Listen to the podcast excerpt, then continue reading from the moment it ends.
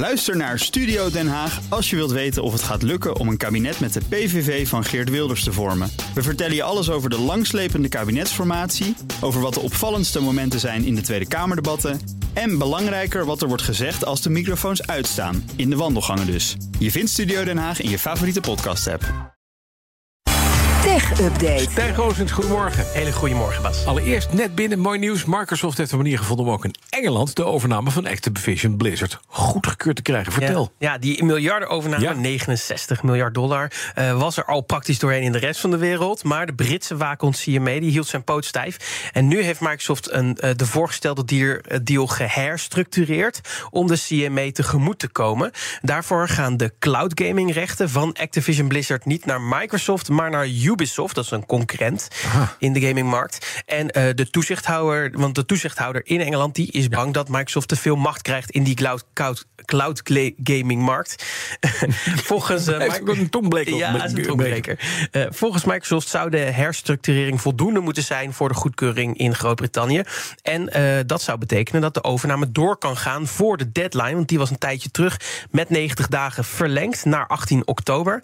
De rechten voor cloud streaming van Activision... die gaan dan naar Ubisoft. En dat gaat dan over de non-Europese rechten. Dus alles buiten Europa. In de EU was namelijk al een goedkeuring voor de over- overname... dus die deal blijft in stand.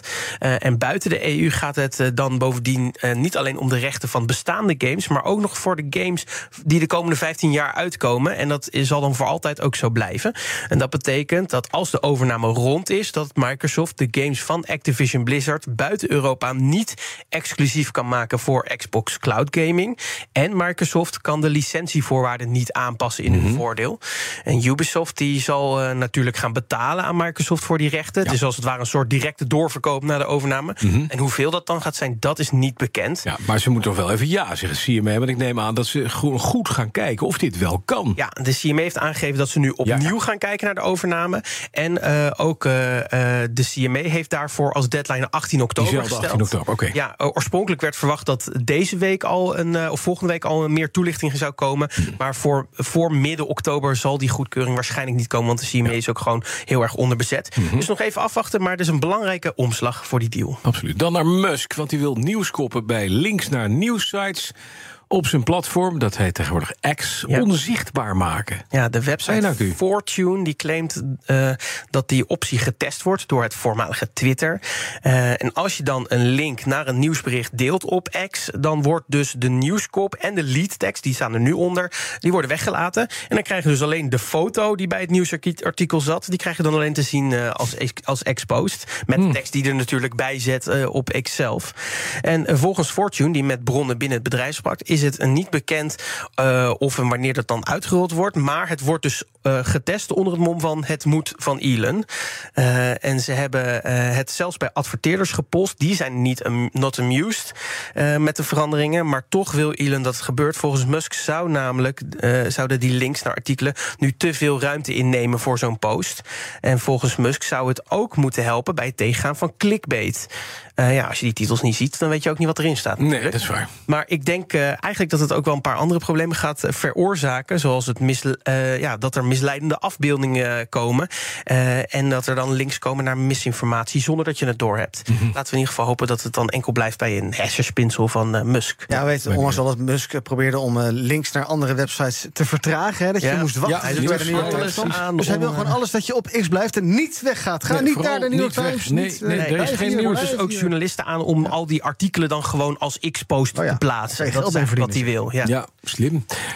Eh, informatie uit de onderhandelingen tussen TikTok en de Amerikaanse overheid is gelekt in een document. En dat is natuurlijk wel. TikTok wilde door de knietjes, hè? Dat Ja, ja, en in dat document staat beschreven wat de Chinese, wat de Chi- Chinese sociale mediaplatform voorlegt aan de Amerikanen om te voorkomen dat het platform verboden wordt op de Amerikaanse markt. Het document toont informatie uit gesprekken die vorig jaar zomer gevoerd werden. Dus waarschijnlijk zijn ze niet per se meer helemaal up-to-date. Maar het geeft wel een inkijkje in die onderhandelingen. TikTok die zou hebben voorgelegd om de Amerikaanse dep- departement van justitie en defensie autoriteiten te geven voor het onderzoeken van TikTok's eh, Amerikaanse faciliteiten, eh, opnames die ze gemaakt hebben, materialen en de servers, eh, zonder tussenkomst van TikTok zelf. En de Amerikanen zouden veranderingen mogen tegenhouden in de voorwaarden en het beleid rond moderatie en privacy van de app. En nieuwe medewerkers kunnen worden gevetood door de, door de Amerikaanse overheid. TikTok en ByteDance zouden betalen en openstaan voor, voor veiligheidsonderzoeken. En de Amerikaanse TikTok zou tijdelijk kunnen worden geblokkeerd als de overheid dat zou willen. Nou, dit gaat vrij ver. Best een lijst met voorstellen. Nou. Alsof TikTok een beetje als een hond aan een lijntje kan worden gehouden. Met een melkkorf om als baasje Biden dat wil. Eh, en het Chinese moederbedrijf ByteDance zou er eh, in ieder geval een stuk minder macht over krijgen. Het gaat hier dus wel allemaal om de Amerikaanse tak van Precies, TikTok. Niet over het alleen hele Amerika. platform. Ja. Ja. En volgens eh, Forbes, die de stukken dus in handen kreeg, eh, zijn een aantal van de voorstellen ook een beetje standaard. De Amerikaanse hoofd zou- overheid zou nu ook al dat soort onderzoeken bijvoorbeeld kunnen doen. En toch is het bijzonder dat het nu in klare taal ook echt op papier staat. Ehm, eh, en privacypartijen zijn ook een beetje wakker geschrokken van deze bevoegdheden. Het zou de Amerikaanse overheid zoveel macht geven dat het ook tot censuur kan leiden. En de documenten zijn inmiddels een jaar oud. Eh, grote kans is dat de onderhan- onderhandelingen inmiddels in een heel ander stadium zijn. Met andere voorwaarden, strenger of milder.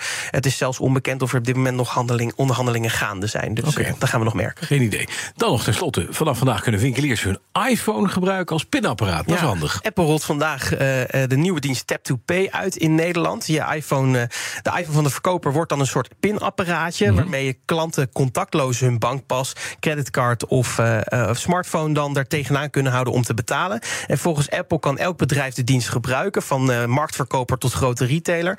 Alleen je moet dus wel een iPhone hebben van maximaal vijf jaar oud. Of minimaal vijf jaar oud, Ja. hoe je het wil zien. Om Tap to Pay verder te kunnen gebruiken... moeten verkopers dan de app van een betalingsverwerker op hun iPhone hebben... zoals Adyen of SumUp. Die zijn tot nu toe in Nederland beschikbaar. En er komen nog andere aan. En verder eh, is eh, betalen voor klanten gratis via Tap to Pay. Maar geld ontvangen als verkoper kost dat natuurlijk wel een kleine vergoeding per transactie. Zoals de meeste pinautomaten dat hebben. Precies. Eh, en dat tarief hangt dan weer af van de betalingsverwerker die je gebruikt. Tot nu toe was Tap to Pay al langer beschikbaar in Amerika, Engeland, Australië, Taiwan. En nu dus ook in Ook Nederland. in Nederland. Kijk, zo gaat dat. YouTube wil de rol van AI in de muziekindustrie onderzoeken met bekende artiesten. Ja. Oh, dat klinkt heel cryptisch. Het videoplatform YouTube gaat daarvoor samenwerken met platenmaatschappijen. Ja. En ze willen gaan onderzoeken hoe eh, AI een rol kan spelen eh, op het platform. En welke regels daarvoor moeten gelden. Maar ook eh, hoe zowel de artiesten, de platenlabels en YouTube zelf er ook geld aan kunnen verdienen. En het eerste platenlabel waar YouTube mee gaat samenwerken is Universal Music Group.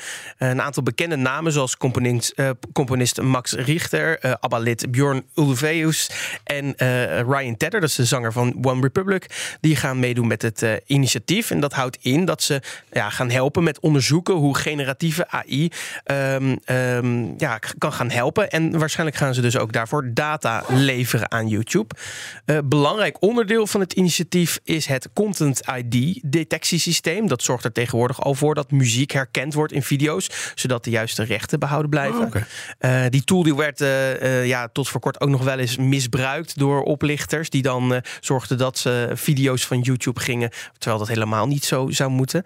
Ehm, maar Google ja, die, die wil dus ja, dat dat content ID-systeem ehm, ja, veranderd gaat worden. Zodat het ja, met AI kan omgaan, met generatieve AI.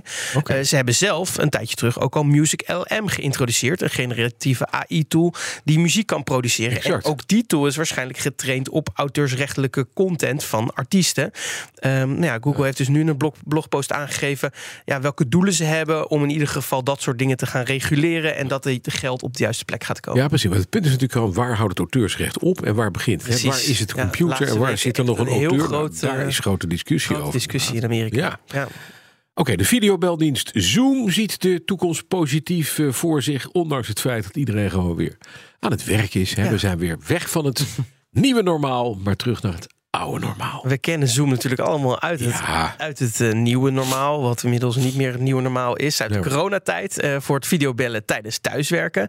En dat ging toen gepaard met een aantal privacy issues en groeipijntjes voor Ja, het bedrijf. En katten ineens, en meneren zonder onderbroek. Dat, Dat soort ook. grappen kennen we ook allemaal. En eh, na corona gingen we natuurlijk allemaal weer op kantoor werken. Maar nu lijkt Zoom een plan te hebben om als bedrijf toch te stabiliseren. Ze hebben hun omzetverwachtingen voor komend jaar dan ook naar boven bijgesteld. Naar 4,5 miljard dollar.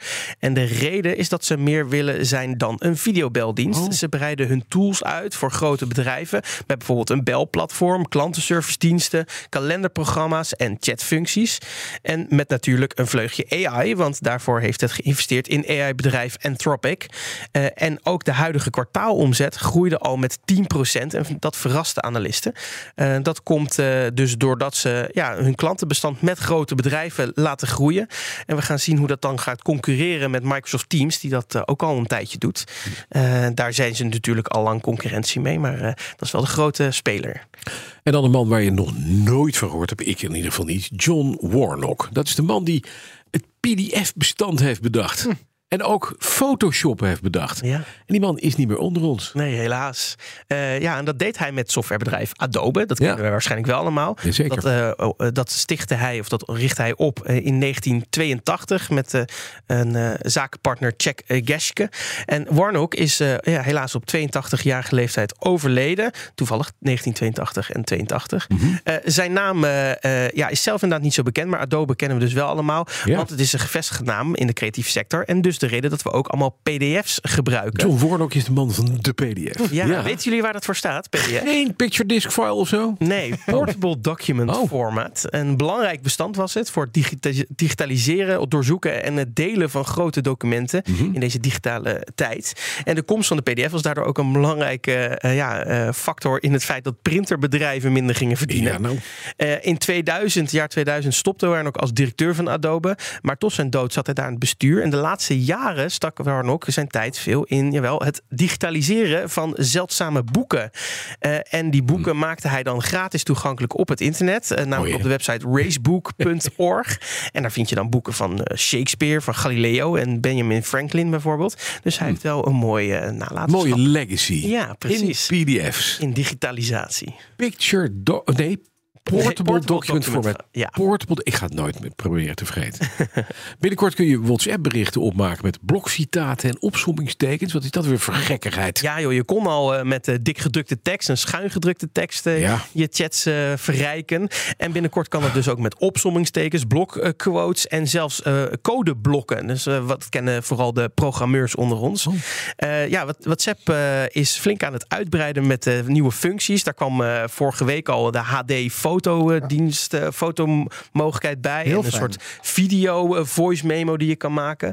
En eh, nu, zit, nu komt ook deze functie er naartoe. Wanneer is nog niet duidelijk, maar in ieder geval zit hij in de beta-functie. Meldt de website WhatsApp beta-info. En ehm, eh, wat deze week wel uitgerold is, is de HD-video-functie. Die was ook al aangekondigd door Mark Zuckerberg Ja. van Meta. En dat betekent dat je nu in HD-kwaliteit, ja, 27p, eh, niet full HD, kan je nu ook foto's delen. Nou, is ook wel warm. Wel lekker precies, dat Ja. je betere, betere kwaliteit kunt uh, Eindelijk WhatsAppen zou je eigenlijk moeten zeggen. Eh, ja, eh, mag het even. Ja. Dankjewel, Stijn Goosend. De BNR Tech Update wordt mede mogelijk gemaakt door Lenklen. Lenklen. Betrokken expertise, gedreven resultaat. Ook Liesbeth Staats vind je in de BNR-app. Ja, heel handig. Luister live naar Kees en mij tijdens de Daily Move. Dan blijf je ook gelijk op de hoogte van breaking news en het laatste zakelijke nieuws. En daar vind je ook alle BNR-podcasts, waaronder de Perestrooikast. Download nu de gratis BNR-app en blijf scherp.